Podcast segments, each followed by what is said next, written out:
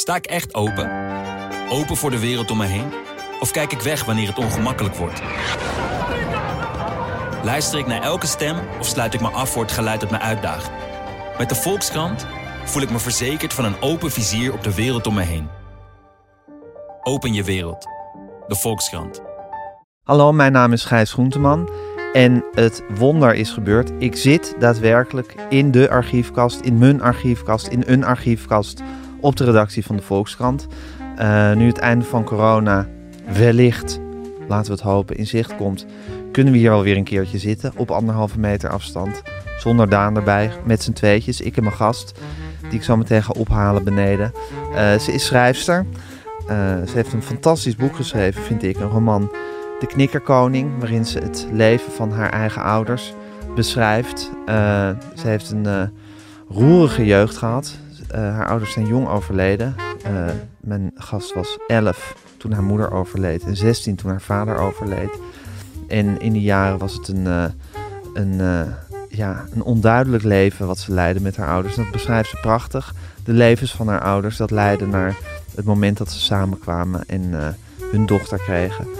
Ehm, ik ga erover praten, over dat boek De Knikkerkoning en over al het andere. Met mijn gast, schrijfster Kira Wuk.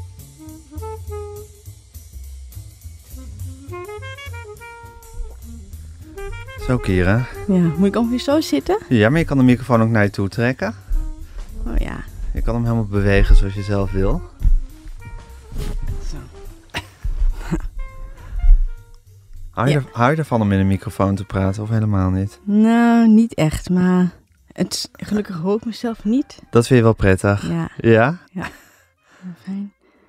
En uh, ja, ik heb inmiddels ben ik het wel gewend. Ja. Door de jaren, radio dingen. Het is niet je eerste interview. Nee. Nee. En, uh, ben je al aan het opnemen? Zeker. En je wou eigenlijk je hondje meenemen? Ja, ik, ik neem hem. Uh, ik vind het een fijn gezelschap. En uh, ja, hij is heel rustig, dus ik normaal kan eigenlijk van alle interviews en. ja, ik had dat ook heel gezellig gevonden, maar we zitten hier in een groot kantoorgebouw. Ja, ik geloof dat de regel is dat er geen hondjes mee naar binnen mogen. Om een of andere onduidelijke reden. Mm. Dus, hoe heet je hondje? Atari. Atari? Ja. Naar de spelcomputer genoemd. Ja, hij is ook helemaal pikzwart. Dus uh, zwarte tackle, kruising. Een zwarte tackle, kruising? Ja. Tussen ja. wat en wat? Dat weet ik niet. Hij is Oh. uh, op straat gevonden in uh, Cyprus. Ja. En dan via zo'n hondenrescue-organisatie. Bij jou terechtgekomen? Ja. En kwam nu op Schiphol. Kon ik hem daar ophalen. En waarom heb je hem Atari genoemd? Nou ja, mijn vriend is ook helemaal gek van die oude computers. En we hadden ook net die film gezien van Wes Anderson. Uh, hoe heet die? Die film over die straathonden. Easel of Dogs, volgens mij. En daar zat ook een uh, Atari in. Oké. Okay. Een jongetje die dan uh, honden redde. Ja. Dus je vond het wel een passende naam. Ja. En hou je veel van Atari? Ja, ik, uh, ik heb wel vaak een hond uh, in mijn leven gehad. Ja, ik vind het wel heel... Uh... Wat was de eerste hond die je in je leven had? ja, dat was Rocky. Was ook een, een bastardhondje. Ja. En ja, ik had ook geen broers en zussen. Dus die hond was echt mijn broer. Ja. Een beetje. Ik was toen negen toen, die, toen iemand hem bij ons langsbracht. Dus die was ook altijd met me mee, behalve naar school. Oh, maar voor de rest altijd. Hij was jouw vaste gezelschap? Ja. En wie bracht Rocky dan bij jullie langs? Oh, een vader, vriend van mijn vader. Die werkte op een boerderij, maar daar beet de kippen dood. Dus hij moest weg daar. Ja. En die had hem dan gewoon bij zich. En uh, mag hem gelukkig houden. Ja. En het was zo van, willen jullie Rocky anders houden? Ja. En jij was meteen gek op Rocky? Ja. Ja. ja. En waar... En, en die hond die is ook wel is echt oud geworden. Want ook toen ik uit huis ging, ik heb nou kraakpand gewoond. Toen ik 17, 18 was, ging ik kraken. Hebben we achter de dam uh, in de Nieuwe Nieuwstraat. Ja. Hadden, had ik een pandje. Dat was ik heel stoer. En uh, hij ging ook toen mee naar demonstraties. En had wel spacecake gegeten. Met oud en nieuw. En eh, Wat gebeurt er als een hond spacecake eet? Nou, hij werd heel wankel en hij was ook nog van de trap gevallen toen. Gelukkig eh, niks ergs gebeurd.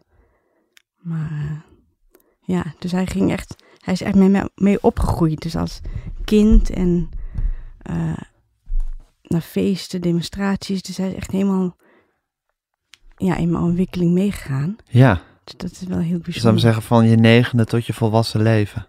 Ja, het begin van volwassen leven. Begin van je volwassen leven. Dus dat is wel eh, bijzonder. En waar woonde je toen je negen was? Uh, op het Javaplein. Amsterdam. En woonde je toen met je vader? Ja.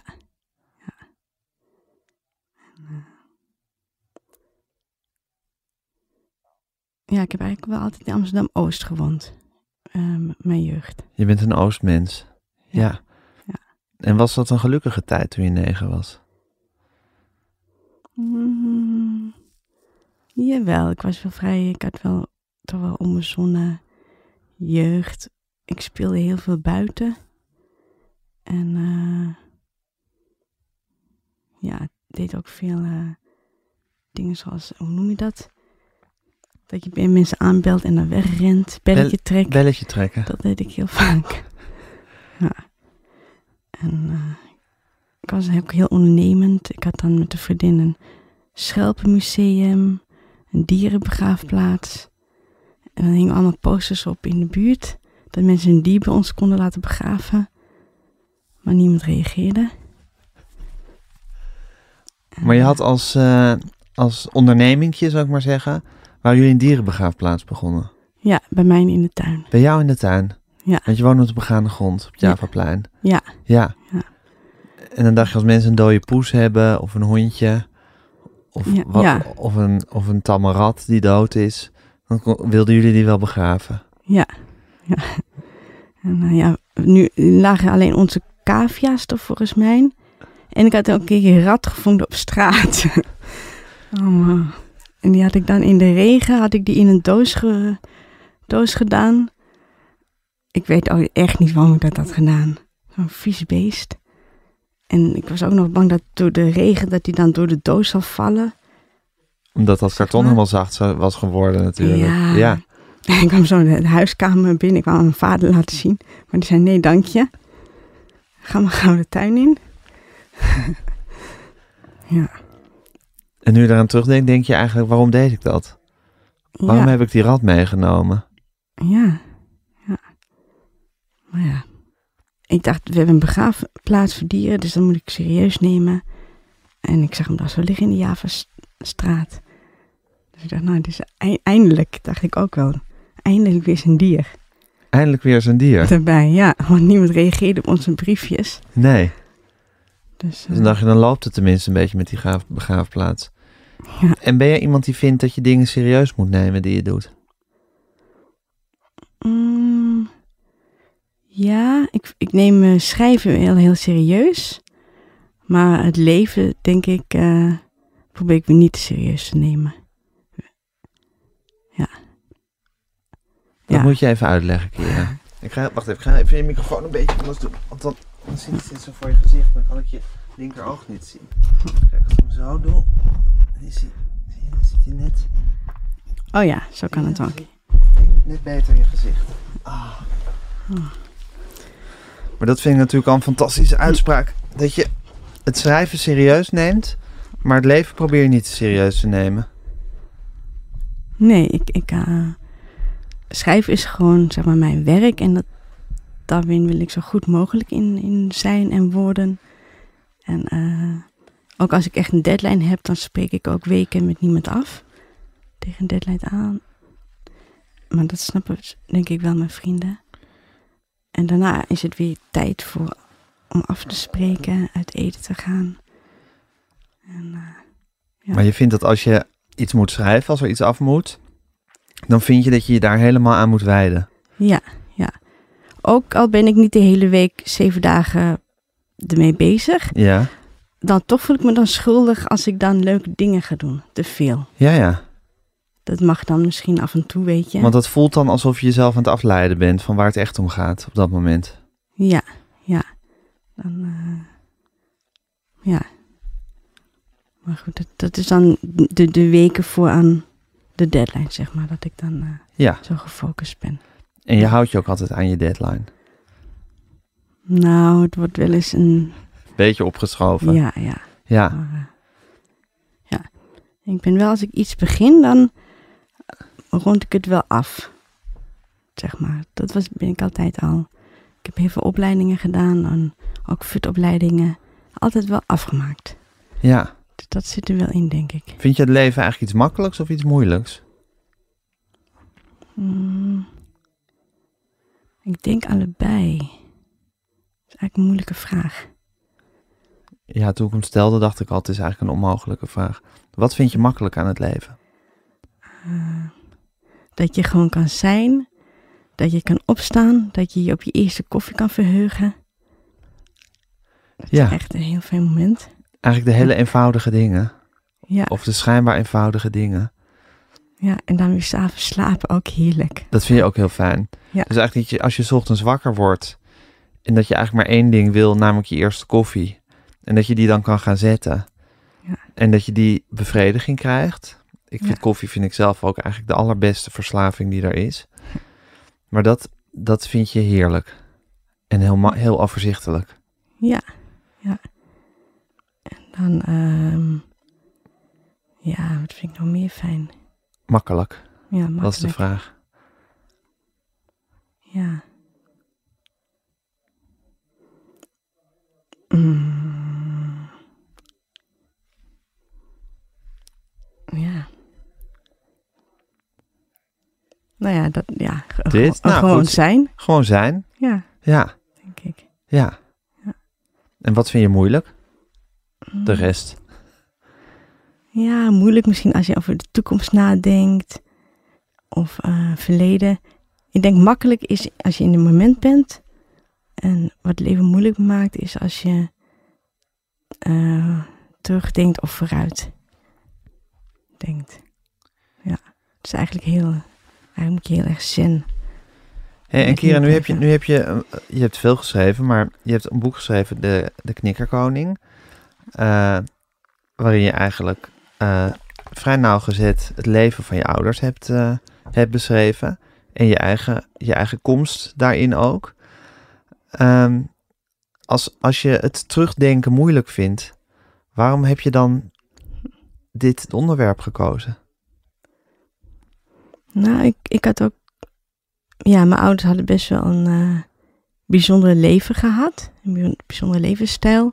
En ik had heel veel dozen vol liggen. Met eh, foto's, brieven, dagboeken.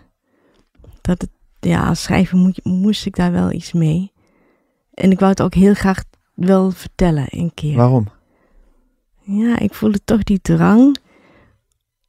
En eh, ja, ook voor hun of zo. Ik dacht, Had je het gevoel dat het vastgelegd moest worden op een of andere manier? ja, ja. En ik, Snap, snap je da- waarom dat is eigenlijk? mm, nou ja, ik, ik denk ook dat het verhaal ehm, wel interessant genoeg is om alleen zeg maar voor mezelf te houden. Het is een fantastisch verhaal. Wat je ook heel goed hebt opgeschreven. Dus bedoel, ik ben heel blij dat het boek er is. Maar je vond dat het nodig was om het op te schrijven. Ja, ik, eh, ja, ik wist eigenlijk wel al een paar jaar dat ik het eh, ging doen, zeg maar. Ook toen ik nog met andere projecten bezig was. Ja. En eh, ik verheugde me ook heel erg op om, om in die materie te duiken en eh, oude vrienden op te zoeken van mijn ouders. Wat familieleden heb ik ook eh, geïnterviewd. Je hebt echt research gedaan daarvoor. Ook omdat ik natuurlijk mijn ouders best zo jong ben verloren. Ja, want je, jij was 11 toen je moeder overleed en 16 toen je vader overleed. Ja, klopt. Dus het was voor mij ook gewoon daarom extra fijn, denk ik, om zoveel mogelijk eh, te weten te komen. Over hun, hun leven. En, eh, ja, ik denk dat ik daar nu best een aardig goed beeld van heb gekregen zelf ook. Dus het was ook, ook belangrijk voor jezelf om eigenlijk te weten hoe zij de mensen waren geworden die ze waren. Ja, ja. Dus dan begint de roman ook echt in hun kindertijd. Ja. Dat wil ik ook dan laten zien en van hoe je dat ook kan beïnvloeden, hoe je la later wordt. Maar je hebt daar ook zelf nog eigen keuzes in. Ja, want je wisselt steeds van perspectief. Je vertelt steeds afwisselend het verhaal van je moeder en dat van je vader. Ja, En op een gegeven moment komen ze bij elkaar, die twee verhalen. En dan kom jij erbij. ja, Ja. Omdat je jezelf een andere naam hebt gegeven. ja, Ja. Nou, dat is mijn tweede naam. Dus Dat is je tweede naam. dus het ligt eigenlijk wel nog dicht bij Dichtbij je. Ja. En waarom heb je jezelf niet je eerste naam gegeven in het boek? Nou, dat vond ik een beetje too much. Want dan, nu kon ik nog een beetje afwijken van de karakters, van hoe ze echt waren. Mijn ouders en, en mezelf. Maar toen dan net iets in naam te veranderen, Ja. dan zijn er toch, toch meer personages. Ja. Nou, ik Ja. vraag me namelijk, je achterin heb je ook hele leuke, of hele lieve foto's gezet van jou en je ouders. En dan heb je erbij gezet Jane, zoals je heet in het boek. En dan Ja. tussen haakjes Kira erachter. Zo van, dat het wel duidelijk is dat, dat jij het bent. Ja. Misschien dat die foto's een beetje too much waren, achteraf.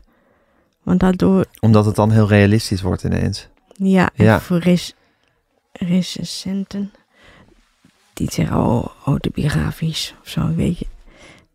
Ja, op zich in de basis is het dat wel. Maar ik heb ook wel zelf heel veel ingevuld. En eh, ik heb de volgorde van hoe dingen gebeurd zijn, heb ik dan ook gewijzigd, zodat een soort meer logische lijn in Ja. het boek kwam. Je verantwoordelijkheid was om een goed verhaal te vertellen en niet per se om de waarheid exact na te vertellen. Ja, ja. Ik wou wel, eh, ja, een beetje. En, eh, en ook gewoon ook die tijd, denk ik, eh, van Amsterdam laten zien. Ja, ja, 70, jaar 80. En eh, ja, Wat hadden je ouders voor jeugd gehad? Mm. Nou, mijn vader heel streng. Z- Zijn vader, mijn opa, die eh, zat bij Kneel. Die komt uit Indonesië. Een knielmilitair. En hij heeft er ook nooit over ge- gesproken. Alleen verhalen dat hij dan voor alle jongens kookte. En als ze ziek waren, dan maakte hij eh, pepers voor ze klaar. Ja. Zodat ze weer eh, snel op de been waren. Hij had alleen maar dat soort verhalen. Dat vind ik wel weer bijzonder. Hij had het dan alleen maar over het, het eten. Hij is gek op koken, dus hij had het dan vooral daarover. Maar ik denk toch wel ja, dat hij daar wel echt dingen heeft meegemaakt, gezien. En eh, dat is mijn eigen invulling hoor. Ja. En dat ze toen in Nederland kwamen, dat hij misschien niet, niet echt kon aarden. En ja, ik denk een nare man was. Voor zijn kinderen, ook voor zijn vrouw. Ja. Eh, ja, extreem streng en Ja, eigenlijk Ook. met die hele militaire discipline. Die die Ja. op dat gezin eh toepaste ook. ja, Ja. Dat, eh. En mijn vader was echt een beetje een eigenzinnig buitenbeentje, een dromer. Dus ik denk dat hij er gewoon niet goed in mee kon gaan. Dat, dat hij daarom de extra pik op mijn vader had. En eh, er zijn ook verhalen van zijn broers en zussen. Dat mijn vader was wel het pispaaltje. Die kreeg wel de meeste klappen. Kon jij goed met je vader overweg, Kira? Ja, heel goed. Ja. En, eh, ja, hij was gewoon een hele lieve man. En eh, optimistisch. En, ja, hij stond wel heel licht in het leven. Denk je nog vaak aan hem? Mm, ja, toch wel. Regelmatig, ja. Ja. En, eh,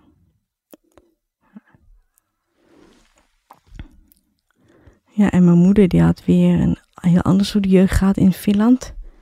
Je moeder was Fins. En eh, ja, een beetje beklemmend, maar wel heel liefdevol, denk ik. En, eh, en mijn oma die had ook echt carrière gemaakt. Dus die begon als schoonmaker in een uh, kantoortjes, toen in een luxe hotelrestaurant. Toen begon ze als afwasser, tot ze chef-kok, zich als chef-kok had opgewerkt. Dus dat vind ik ook wel heel bijzonder, ook voor die tijd. Ja. Ze werkte ook zeven dagen per week. Was echt gewoon. Uh, Iemand die zich helemaal omhoog werkte. Ja, Ja. vanuit niks, geen opleiding. En uh, ja. Dus dat vind ik wel ja, een hele sterke vrouw. En was jouw moeder eigenlijk een sterke vrouw? Hmm, niet echt, denk ik. Ze was wel bijzonder intelligent. Ik heb ook allemaal rapporten van haar gevonden. Zowel voor wiskunde en zo had ze gewoon tien als talen, Frans, Duits. Oh nee, ze had het dan Zweeds. In, uh, In Finland. maar ook Frans-Duits volgens mij. En uh, ja, en ze had ook binnen een paar jaar perfect Nederlands geleerd. Ze kwam hier, denk ik, toen ze een jaar of 18 was. En uh, volgens mij las ze al Dostoevsky in het Nederlands. Al een paar jaar nadat ze hier was. Dus dat vind ik wel heel knap. En ze sprak echt vloeiend Nederlands, hoe ik mij herinner. Ja. En, uh, ja, en ze verbeterde ook rapporten van, uh, nee, essays van uh, medestudenten van de studie sociologie. Ja. Vond ik ook dan dat ze dan verbeteringen, spelfouten eruit haalde. Ja, dat vind ik wel echt bijzonder. Dus ze had sowieso een waanzinnig taalgevoel.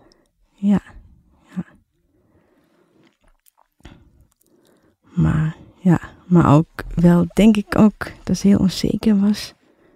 En een heel destructieve kant had. Ze dronk heel veel? Ja, ja. Maar ook niet altijd. Dus er zijn ook periodes dat het echt uh, best goed met haar ging. Maar het was meer vooral uh, toen ik een jaar of uh, vanaf mijn zevende denk ik dat, dat ze weer een beetje in begon te storten. Of zo zeg maar. Maar mijn, vanaf mijn geboorte tot mijn zesde of zo ging het, was voor mij een goede tijd van haar. Het wel, uh, ja. Toen studeerde ze ook. Toen studeerde ze? Ja. En toen jij een jaar of zes was, toen ging het weer minder? Toen begon ze weer met drinken?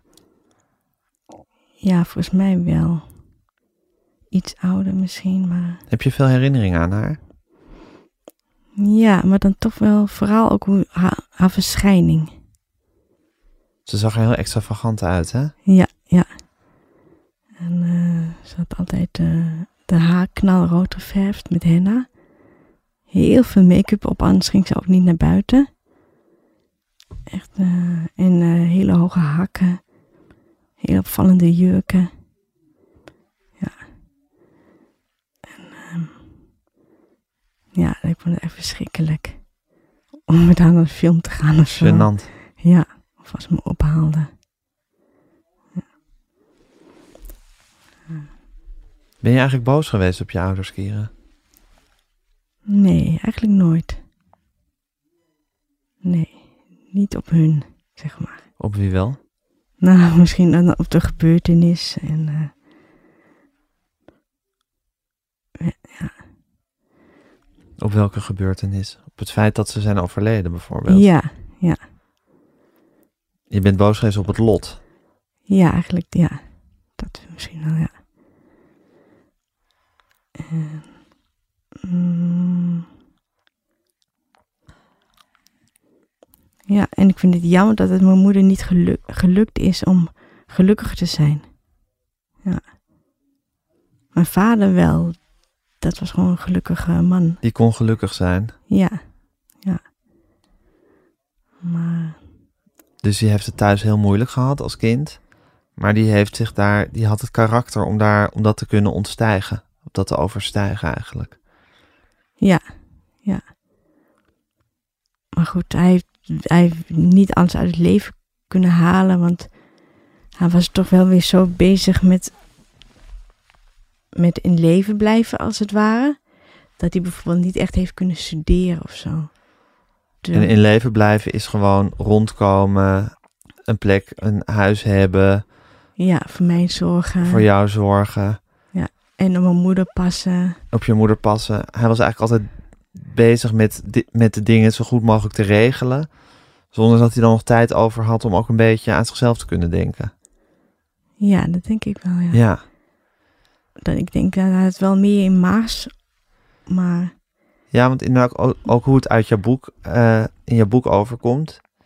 Je beschrijft het nogmaals fantastisch, die levens van hun. Is, is, is het ook een beetje chaotisch, hoe die leefden.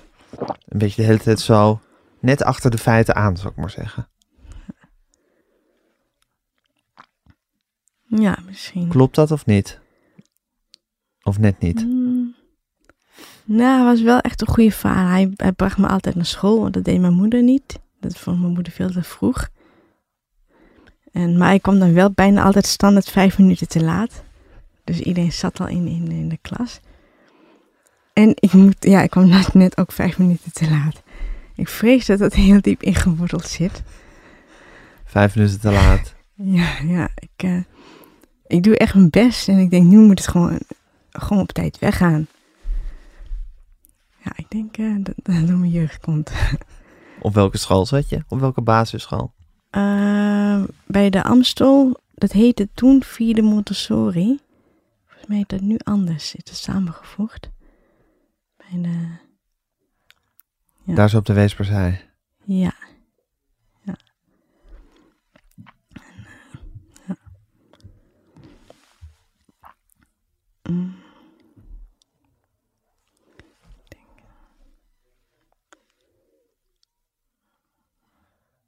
Wat zit je te denken, Kira? Ja, waar we het over hadden. We hadden het over je vader en hoe die leefde. Ja. En dat je niet boos was op je ouders, maar wel op het lot. Ja. Ehm.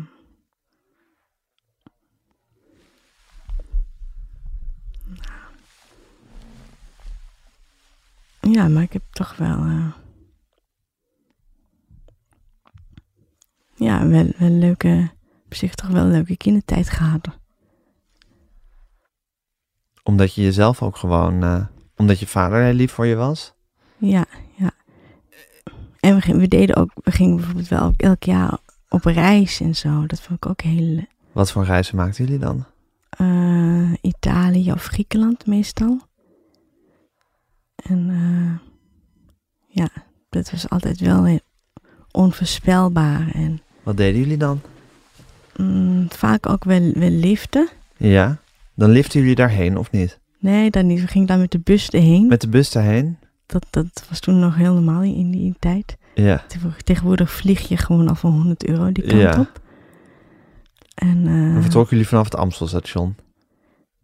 Ja, ik weet niet meer waar die bussen vandaan gingen, maar ja. En eh, ja, en meestal had mijn moeder dan ruim voor de vakantie alles al opgemaakt, al het geld. En dan, eh, ja, hadden we bijvoorbeeld één keer, dat staat ook in mijn boek, konden dan niet uitchecken, want we konden de hotelrekening niet betalen. Dus we konden gewoon niet weg. Dus toen zei mijn vader, dan blijft jij hier in het hotel zitten, mijn moeder. En dan ga ik met eh Kira naar huis.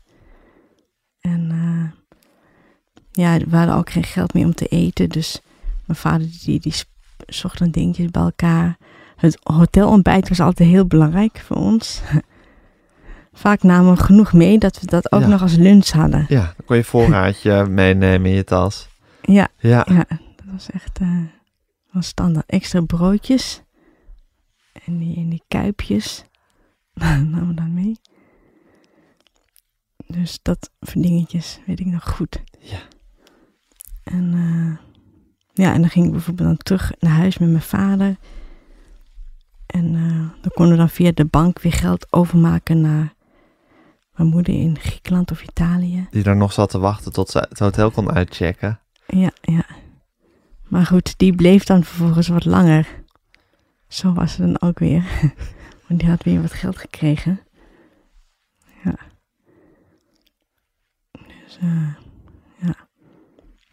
Want zodra ze geld had, ging ze het, ging ze het opmaken. Ja. Ja. Aan kleding en aan wijn. En ik vond later, ook toen ik research deed, toch allemaal ook liefdesbrieven uit Griekenland en Italië. Maar ik heb niet zo naar de, op de datums gelet of dat dan van die periodes was. Kan ook nadat ze uit elkaar waren gegaan. ja. Maar, eh, En liefdesbrieven van wie aan wie? oh, van eh, Italianen naar mijn moeder toe. Van Italianen aan je moeder? Ja, en Grieken. Oké. Dus, eh, Dus ze ging daar ook altijd een beetje op jacht. ja, wie- ja, wie weet. Ja. Misschien. Ja. Maar,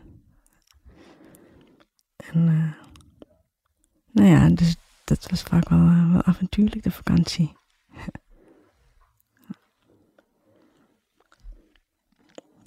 en ik denk dat ik daar, daar wel street, street smart door ben geworden. Wat zeg je? Ik ben daar wel zelf ook street smart Ja. door geworden. Je weet hoe je je moet redden. Altijd. Ja, ik heb wel van mijn vader geleerd van... Oké, we hebben niks, we hebben geen huis. Maar er zijn altijd genoeg vriendelijke mensen. Het komt goed. En meestal klopt dat ook wel altijd. Dus wel, Want dat was heel erg de, het, het basisgevoel van jouw vader. Van wat er ook aan de hand is. Er zijn altijd vriendelijke mensen en het komt wel goed. ja, Dat vind ik wel een hele lieve, inderdaad wat je ook zei, optimistische levenshouding. ja, Toch? ja, ja. ja. Dat, eh, ja, er, er komt altijd wel iets op je pad. Wat we ook wel eens hebben gehad, dan hadden we helemaal geen geld meer. En dan vond ik in de Albert Heijn, dat weet ik nog, een heel pak briefjespapier. Dat zat dan met een paperclipje vast. Ja. Ja, Vond je gewoon een pakje geld? ja, ja. En dat brachten we dan niet eh, naar Albert Heijn. Nee, natuurlijk niet. Nee, nee. Maar dan kreeg ik wel, wel een fiets daarvan, weet ik nog. Van dat geld je een fiets gaan kopen. Ja, Ja. dus Dus je zegt, ik heb eigenlijk best een leuke kindertijd gehad. Maar het klinkt ook wel als een heel... eh nou, met weinig duidelijkheid, zou ik maar zeggen. In je leven, toen je kind was. Ja, ja, het was misschien wel wat, wat minder voorspelbaar dan hoe nu, zeg maar, kinderen opgroeien, denk ik. Ja, en toen ook al. Ik ben een beetje in dezelfde tijd als jij opgegroeid. Ja. Maar dat was wel, was wel wat voorspelbaarder. Ja, misschien. En er zijn nu ook vast nog kinderen die opgroeien zoals jij toen opgroeide. Ja. Met, met onduidelijke levens. Ja, En is je leven nu duidelijk hier, hè? ja. ik, eh, ik, ik eh, hou van alles met mate. Niet te veel werken, niet te veel uitgaan. Ja, ik weet het niet. Ik, ik hou wel, dat klinkt een beetje saai. Maar eh, Je wil je leven heel rustig leiden. Ja, en eh, ik, ik hou van stabiliteit, van balletschuttigheid. Ja, dat komt misschien wel eh, door mijn jeugd. Ja. Maar ik ben ook wel veel uitge- uitgegaan hoor, rond mijn twintigste. Maar Heb je het moeten leren, de stabiliteit? nou, ook niet. Ik ben... Mm, nee, dat komt ja, wel door het ouder worden, maar ik ben nooit heel erg extreem of zo van het padje afgegaan, zeg maar. Nee, wel veel uitgegaan, periode. Naar Korsakoff in Amsterdam. Als je dat nog kent. Zeker. En eh, dat uitgaan was ook misschien wel een uitlaatklep voor mij. Ik vond het dansen heel fijn en eh, echt eenmaal weg of zo eruit zijn. Maar ik zorgde wel altijd dat ik ook met tentamens altijd leerde. En Wat studeerde je? ehm, toen deed ik eh, CMV, kunsteducatie, in Utrecht. En halverwege die opleiding begon ik ook aan de schrijversvakschool in Amsterdam. Dat was dan pa- deeltijd. Ja. Dus eh, ik, ik- dat was wel altijd voor mij belangrijk. Dus ik ging wel veel uit, maar precies genoeg tijd hield ik over om dan ook nog aan school wat te doen. Ja. Ja. En uitgaan was vooral dansen voor jou. Dat heb ik, eh, ja. heb ik weer heel veel gedaan. En was je een drugsgebruiker? Mm, nee. Nou, wel eens wat dingen geprobeerd. Beetje spacecake eten met je hond. Ja, Ja. ja. En eh, ja, wel eens een keer ecstasy. Maar ik denk dat... Maar eh, Ja, maar wel eens een keertje. Je was niet, je was niet een heel reguliere drugsgebruiker. nee. En drinken? Ja, wel wat biertjes. Ja. Maar ook niet zoveel eh dat ik niet meer weet wat ik gedaan heb. Ben je in alles altijd matig geweest? Ja, eigenlijk wel. Af en toe een sigaretje, ook met het uitgaan, maar nooit verslaafd geraakt aan. Nee. Mijn vader was misschien ook al zo. Dronk af en toe een biertje, af en toe een sigaretje, maar niks in overmate. Nee. Nee. Gewoon, ja, goede balans, denk ik. Lijk je op je vader? Ja, Ja. Heb jij ook dat optimistische van je vader? ja, ja. Dus, eh, Daar ben je ook wel weer mee gezegend dan, hè? Ja, daar ben ik wel heel blij mee. Ja. Ja. Hoe was het toen hij overleed? Nou, hij was toen gelukkig ook net getrouwd. Of dat ging eigenlijk heel snel, want die vrouw was toen 24. En ze speelde in dezelfde band. Hoe oud was je vader? Die was toen, hij, toen hij haar leerde kennen, was die eind 30. En ehm, ja, en tijdens de repetities vroeg hij een keer, kom je hier wonen? En eh, ja, dat deed ze ook meteen. En, eh, Was dat op het Javaplein? oh nee, nee, toen hadden we woningruil gedaan. Oké, Op de Oostelijke Handelskade. oké. En ja, dat was een hele leuke vrouw. En eigenlijk, maar ja, al toen ze een paar maanden bij ons woonde, begon mijn vader klachten te krijgen. En eh, ja, het duurde echt heel lang voordat dat ze eindelijk eens gingen onderzoeken wat het nou was. Wat voor klachten kreeg hij? Bij zijn en darmen, ja, buik. Dus eh, ja, toen is het wel heel fijn dat ze, ze zijn in het ziekenhuis getrouwd. In het OVG. zodat ik bij haar kon blijven wonen. Ja. Ja, daar heb ik even geluk mee gehad. Was zij een lieve stiefmoeder? Ja, Ja? en eh, Nog altijd? ja, we zien elkaar heel veel. Hield ze veel van je vader? Ja, En van jou? ja, ik denk het wel, ja. Dus dat was wel, wel bijzonder. Anders moest ik naar Finland. Dan moest je naar je familie in Finland toe. Ja. En eh, nee, dat, eh, ik ben blij dat dat niet is doorgegaan. En hoe was het om afscheid te nemen van je vader?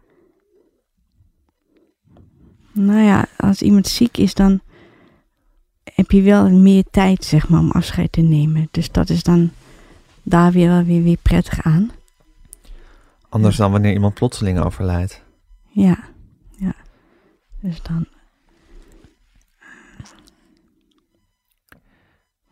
Heb je dingen tegen hem gezegd toen je hem, zou maar zeggen, in die laatste periode nog sprak? mm, niet echt dat ik me herinner, maar volgens mij dat hij nog wel dingen, wat levenswijsheden heeft verteld aan mij. Over, eh,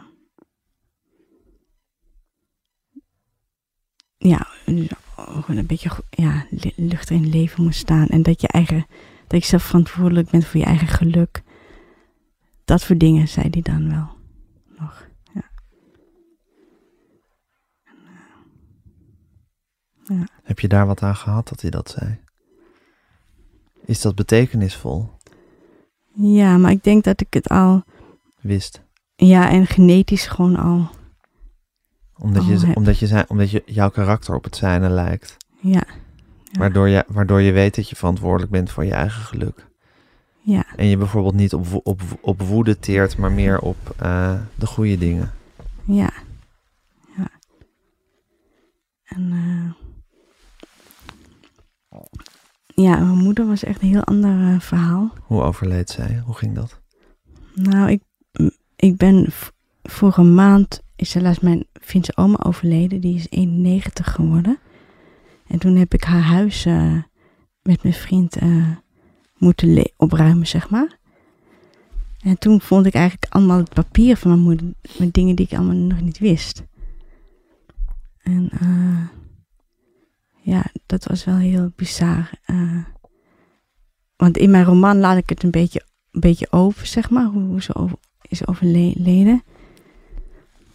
Maar dan zie je weer dat de werkelijkheid is eigenlijk veel erger dan wat je, je kan fantaseren. En eh ze toen niet zo'n fijne relatie met een Griekse man. Maar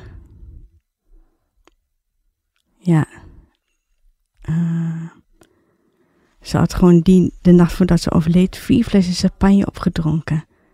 En nog wat wijn en dus nog wat pillen. En het vind ik ook een beetje absurdistisch. Wie drinkt er nou champagne, behalve op oud en nieuw, dan, en dan zoveel? Ik vind het een vies champagne. Ik, ik krijg net één glas binnen altijd. Eén keer per jaar. En dan dus ik denk dat mijn moeder die verlangde ernaar om een soort eh rockstar te zijn. Gl glammies. Oh, ik kan het niet uitspreken. Glamorous leven. Ja. Ja? En dan, dat, dat wist ik al. En dan lees ik dat ze dan ook nog de laatste nacht vier flessen champagne heeft gedronken. Voordat ze doodging. Dus dat, zelfs toen, weet je, verlangde ze of zo naar, naar zo'n bepaalde le- levensstijl. Leefde jouw moeder ook een beetje in een fantasiewereld? Of een beetje net naast de realiteit, laat ik het zo zeggen. Ja. Misschien wel. Ik denk, want toen ik negen was, ging ik met mijn vader ergens anders wonen. En ik denk dat het toen is ze wel snel achteruit gegaan. Want mijn vader die deed heel erg zijn best voor haar. Om voor haar te zorgen. Ja, ja. Dat het niet uit de hand liep. En, eh, maar goed, dat was voor hem ook zwaar. Dat, dat- Dat is bijna niet vol te houden. nee, nee. En eh, ja, dat vond ik wel, maar ja, dat vond ik wel verdrietig. En ik vond ook brieven van haar Griekse vriend naar mijn oma. Over hoe hun relatie was. En eh, ik denk dat hij met een enorm schuldgevoel zat. Wat er was gebeurd die nacht. Want hij had ook niet eerder ambulance gebeld. Hij was zelf ook onder invloed. Ze hadden ruzie. Hij was ook gewoon geslapen. Maar als je ziet dat iemand zoveel middelen tot zich neemt, dan moet je toch eigenlijk wel denken dat dat niet goed eh, kan zijn. Maar in die brieven lees ik dan ook wel hoe- hun relatie was. Hij heeft dan een soort raptekst gemaakt van twaalf kantjes op de typemachine. Zonder eh, interpuncties. En op rijm. Dus het heeft echt iets manisch. Maar ook, er zitten ook wel grappige dingen in met I want to be your erotic slave. Take off your pants. Dat soort dingen staan erin. Maar ook als we weer ruzie hadden in een hotelkamer in Parijs. Die hadden ze een stuk in klein geslagen. Moesten ze het hotel uit. Het is echt gewoon hoe hun leven was. Een paar weken of een paar maanden tijd. Heel bizar. Dat eh, zo te, te vinden. Vond je dat ook een beetje angstaanjagend? Nou ja, meer verdrietig dat zij gewoon niet echt gelukkig heeft kunnen zijn, denk ik. Nee. Dat het niet echt geluk was. En waar, waar dat aan ligt. Ja. Zeker, ja, opvoeding, nee. Kan ook. Toch misschien genetisch ziek of zoiets. manisch of zo. En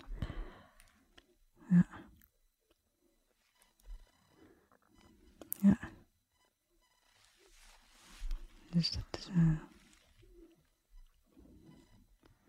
Maar je hebt haar dat dus nooit kwalijk genomen. nee, ik denk dat ze, ze kon het gewoon niet. Ze kon het niet. Nee. Nee. Hield je ook van haar eigenlijk hier, hè? Ja, ja.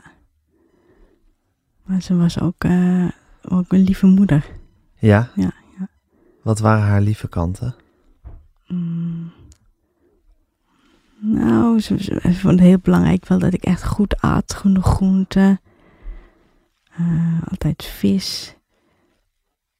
Ze had geen vlees. Ehm, ja. Oh ja, ook, ook mijn school. Ik, ik was heel erg dyslectisch, maar ook met cijfers. Dus ik eh, liep enorm achter op school. En eh, ja, ze dachten dat er iets was met, met mijn IQ. En, eh, maar mijn moeder geloofde dat niet. Dus die ging ook zelf op onderzoek uit. Met mijn testen doen. Zelf even boeken lezen over dat onderwerp. En waarom ik nou niet goed meekwam op school. Dus ze was wel heel erg met mij bezig. Toch? En, maar ze knuffelde mij heel erg altijd. Ja. Maar dat vind ik wel raar, want dan heeft ze eigenlijk een dubbel leven. Want dan zie ik die kant van haar, maar dan blijkbaar dronk ze dan in het weekend of zo, of als ik er niet was, een paar flessen weg. Dus dat contrast, dat vind ik heel raar om. Dat Want ze was eigenlijk en, en een hele zorgzame moeder. En een hele losbandige alcoholiste. En dat wisselde elkaar af. Ja, ja. En nu dan door terugdenk, vind ik dat eigenlijk heel bizar. Hoe dat kon en hoe dat... ik- had wel wat door natuurlijk. Maar dat het zo erg was. Op momenten dat ik daar niet was. Ja. Dat vind ik wel... eh, wel heftig.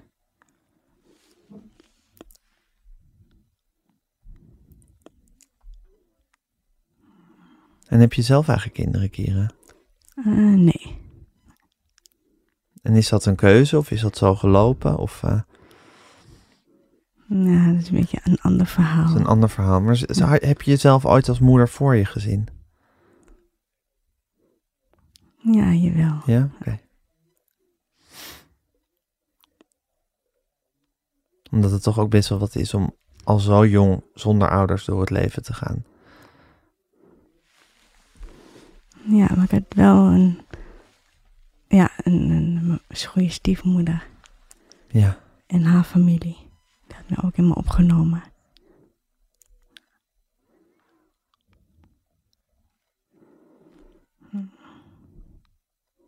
Het is wat, hè, Kira, het leven. Ja. Ja, ja ik hoop niet dat het nu een zwaar gesprek lijkt. Het is, een, eh, het is het gesprek wat het is, eh Kira. Het is zoals het leven is ook. Wanneer wist je dat je ging schrijven? Mm, ik denk al op de basisschool schreef ik al... eh, Terwijl je dus al heel dyslectisch was en heel moeilijk mee kon komen. ja, maar ik, ik deed... Dat was een beetje... Op de Montessori-school kon je elke dag kiezen wat je ging doen. En ging elke dag een verhaaltje schrijven. En eh, ja... En al- al die andere vakken rekenen, zo, dat, dat koos ik dan nooit. Nee. Je koos gewoon wat je leuk vond, het verhaaltje schrijven. Ja. Ja. En, eh, ja. en gedichten. En, ja, en toen, toen begon ik aan de schrijversvakschool. Ja, en toen dacht ik, nou, misschien gaat het wel lukken. En waarom hou je zo van schrijven? Mm, ik denk op het moment dat je iets moois hebt geschreven, een mooie alinea, een mooie, goed gelukt hoofdstuk, dat maak je heel gelukkig. Voor een dag of een paar dagen.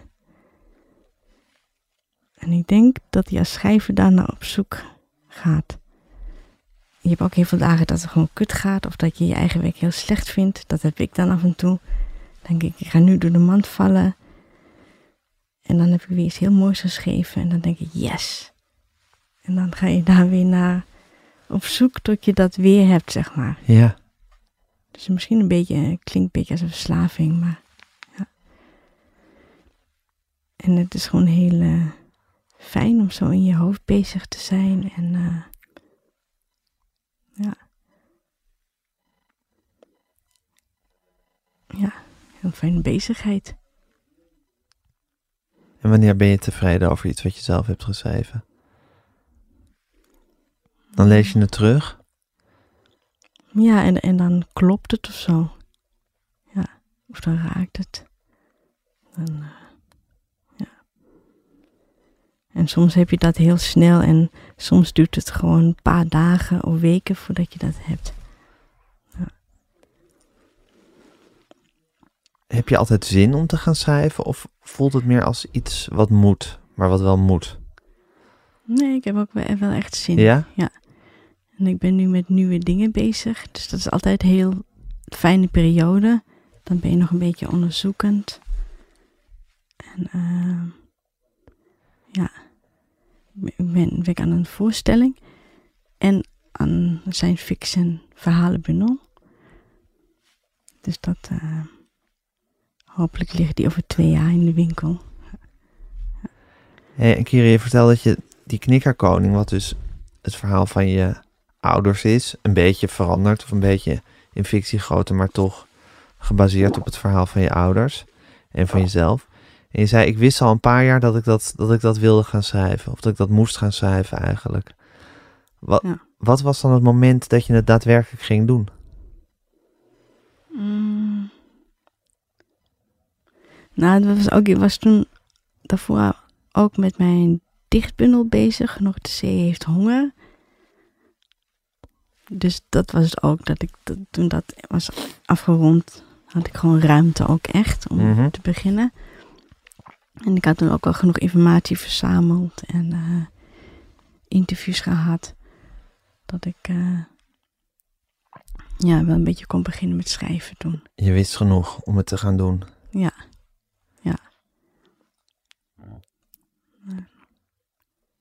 Was het een moeilijk boek om te schrijven of ging het eigenlijk eh, best wel Mm. makkelijk?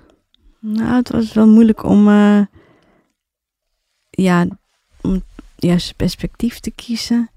Eh, de vertellerstijd. Zeg maar, ik had het eerst in verleden tijd geschreven. Maar tegenwoordige tijd voelde het toch wel beter. En ehm, dat paste ook wel bij de le- levens van mijn ouders. Dat, dat ze niet wisten precies hoe de dag zou lopen. Dus dan, Ja, precies. als je dan Alles tegen- moest eigenlijk aldoende onderzocht worden. Ja, Ja. dus dat voelde wel meteen goed, die vorm. Ja. En ehm, soms, was, soms had ik ook wel te veel informatie. En dan was het weer lastig om dan daar weer bovenuit te stijgen. Dus soms had ik, was dat ook wel eh, lastig, zeg maar. Ja. Ik wou wel echt personages van maken. Ja. En eh kostte dat wel veel tijd om dan ja, daar overheen te komen. Dus ik moest af en toe wel even wegleggen. En was het ook nog emotioneel voor je om zo diep in de levens van je ouders te graven? Nou, het was eigenlijk ergens ju- juist wel fijn om te doen. En eh, Wat was het fijne daaraan dan? ja, omdat ik het zo echt weer voor me zag. En eh, hoe dingen zijn gegaan. En Was het ook een beetje alsof, ze, alsof je ze naar je toe haalde? ja, weer, ja.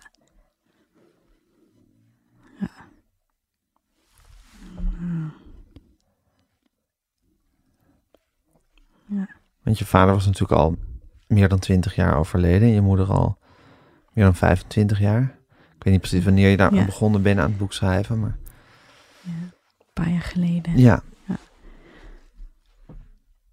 Ja, raar dat de tijd zo snel gaat. Ja. Hmm.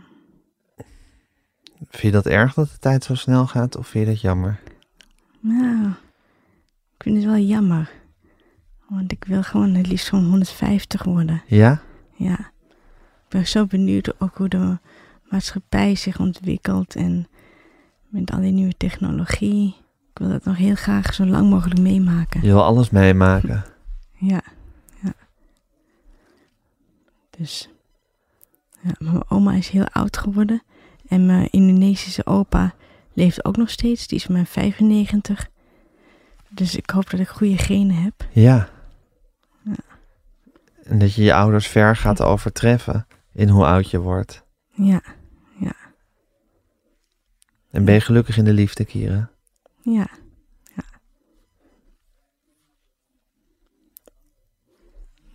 Heb je een leuke vriend?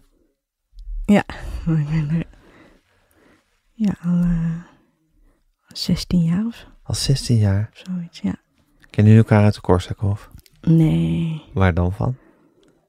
Eh, hoe heet dat ding op Leidseplein? De kring. De kring. Ja, ja. Wat deden jullie daar?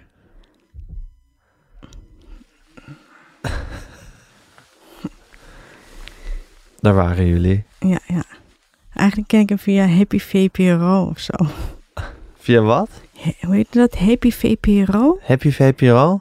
Was dat een soort dating iets van de VPRO? Ja, was eigenlijk nog voor de datingsites. Ja. Dat was volgens mij meer dat dan een beetje gelijkgestemden met elkaar konden praten. Het was iets wat voor Facebook was. Dus het was eigenlijk, leek het denk ik toch meer op Facebook. Had je zo'n soort profiel met interesses, favoriete films, ja. boeken. En dan kon je elkaar vinden, Ja, als je dat leuk vond. ja.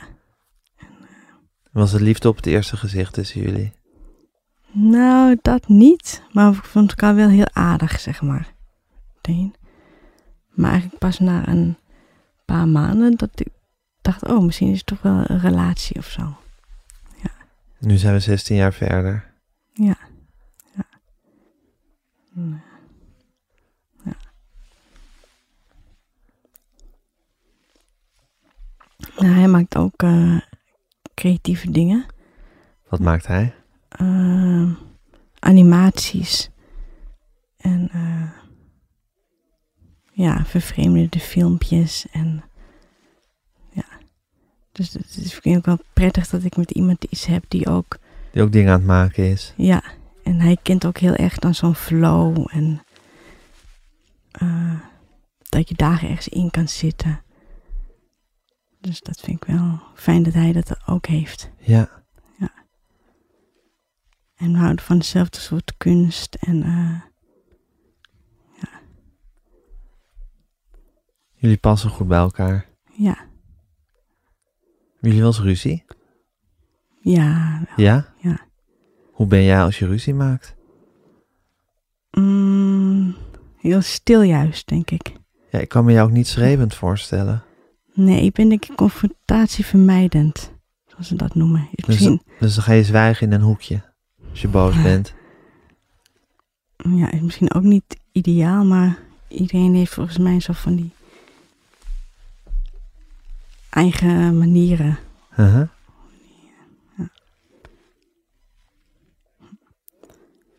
En waar kan jij boos om worden? Mm, ik word eigenlijk niet zo gauw boos. Nee. Maar waar hebben jullie dan ruzie over? Oh, de- het huishouden. Ja. Beste onderwerp om ruzie over te maken. Ja, want ik ben veel rommeliger dan hij. Ik heb overal stapels papieren en boeken liggen. En ook administratie van een paar jaar geleden. En eh, dat, ja. En hij kan er niet tegen, dus dan moet hij toch één keer per week moet alles weg. Moet het opgeruimd worden?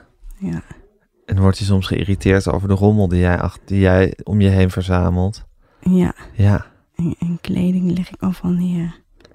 Ja, iets geordender ben ik wel geworden. Hey, en Kira, praat je nou met een licht Finse tongval? Nee, ik denk het niet. Misschien verlegen. Verlegen?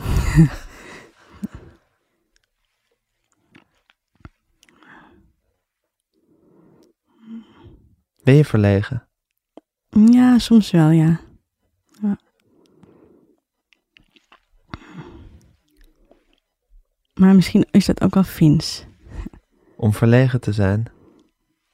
Nou, Finnen die zeggen eigenlijk ook alleen iets als ze wat, wat willen zeggen. En uh, ja, dat zie ik altijd aan, aan mijn Finse vrienden. Daar voel ik me altijd wel heel erg thuis als ik bij hun ben. Want Finnen zeggen weinig, behalve als het gewoon nodig is om iets te zeggen. Ja, eigenlijk wel. Ze doen niet echt aan small talk ook. Nee, precies. Dus ook als Finnen bij elkaar komen, als je dan afspreekt, dan kan het ook zijn dat je gewoon met z'n allen een beetje zit te zwijgen. Ja, ja. En uh, ja, soms heb ik dan wel eens een Zoom-meeting met mijn Finse vriendinnen. En dan gaat dan soms dan vraagt eentje, wat ben je aan het koken? En dan zeg ik, oh, uh, nasi goreng. Oh. ja, voor buitenstaanders klinkt het heel raar, want er valt dan zo even stiltes in die, in die Zoom-gesprekken. ja. Ze praten niet zeg maar ronduit. Nee. Nee. En ik heb ook, je hebt ook in Finland geen woord voor, voor alsjeblieft. Oh nee? Nee, daar kwam ik ook deze zomer achter. Dus dat is ook heel raar. Je zegt gewoon één bier. En je legt geld neer. Maar het alsjeblieft bestaat gewoon niet. Ja, ik wel echt ook wel weer Fins. Alleen het hoogst noodzakelijke. Ja. ja.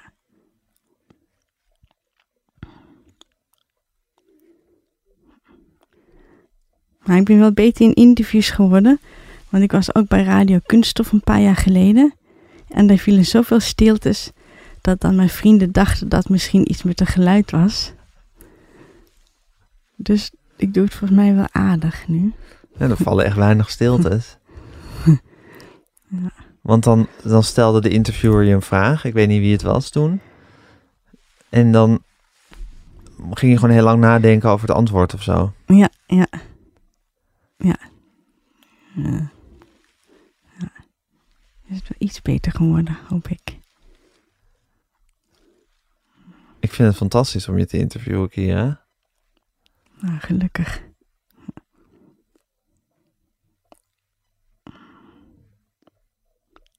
Nou. Wat ga je doen? Ga je de telefoon kijken hoe laat het is? Of je al klaar bent? ja. ja. Ik kan het zo lang rekken als ik wil, Kira. Tenzij je gewoon zegt, ik, ga, ik vertrek nu. Dan kunnen we ook nog stiltes laten vallen en alles. Oh ja, misschien kan ik nog even vertellen dat als mensen nieuwsgierig zijn geworden hoe mijn ouders eruit zien. Um, er is nu een uh, mini-expositie uh, met foto's van mijn ouders die een vriendin heeft bewerkt voor mij. En die zijn de komende maand bij het kunsthek te zien aan het Oosterpark. Ja. Dat is bij het OVG, hè? Ja. Maar je vader is uh, overleden. Ja, en dan gingen we ook altijd naar het Oosterpark om te schaken. Dus hij, uh... Is zo'n groot schaakbord? Of gingen jullie dan met zo'n klein schaakbordje? Gingen jullie daar gewoon zitten schaken met z'n tweetjes op een klein schaakbordje? Nee, hij, hij met zijn vrienden. Oh, ja. Maar je had dan toen van die bruine huisjes. Oh ja. Daar zat hij dan altijd onder. Te schaken. Ja, in zijn vrije tijd. En, uh, ja. En dan ging ik, was ik buiten spelen, maar dan haalde ik hem af en toe op, zeg maar, liep ik langs. Ja. En mijn moeder die plukte daar elke lente heel veel tulpen. In het Oudste Park? Ja, je, voor mij had je daar vroeger ook allemaal van die gele tulpen bij de ingang. Veldjes. En dan, uh, ja, dan hadden we die de hele tijd in huis. En nu hangen je de foto's van je moeder veel en een paar van je vader hangen daar bewerkt door jouw vriendin. Die heeft er hele mooie collages van gemaakt. Die hangen daar aan het hek. Ja, dat vind ik wel heel bijzonder. Ja. Dat, uh, zijn ze toch weer een beetje terug. Dankjewel, Kira. Ja, graag gedaan. Dankjewel voor je boek, De Knikkerkoning. Ja. Een fascinerend boek is. Met heel veel plezier gelezen. En ik ben, ben benieuwd naar al het, al het andere wat er nog gaat komen. in de ja, ruim 100 jaar die je nog te leven hebt. Dankjewel. ik, ik ga mijn best doen. Heel goed. Dit was Met Groenteman in de kast met Kira Buk. Mijn naam is Gijs Groenteman. Ik maakte deze podcast samen met Daan Hofstee. U kunt zich abonneren op alle mogelijke manieren. U kunt ons een e-mail sturen, podcasts.volkskrant.nl. U kunt ons volgen op Instagram, metgroenteman. En geef ons, als dat kan, lekker veel sterretjes.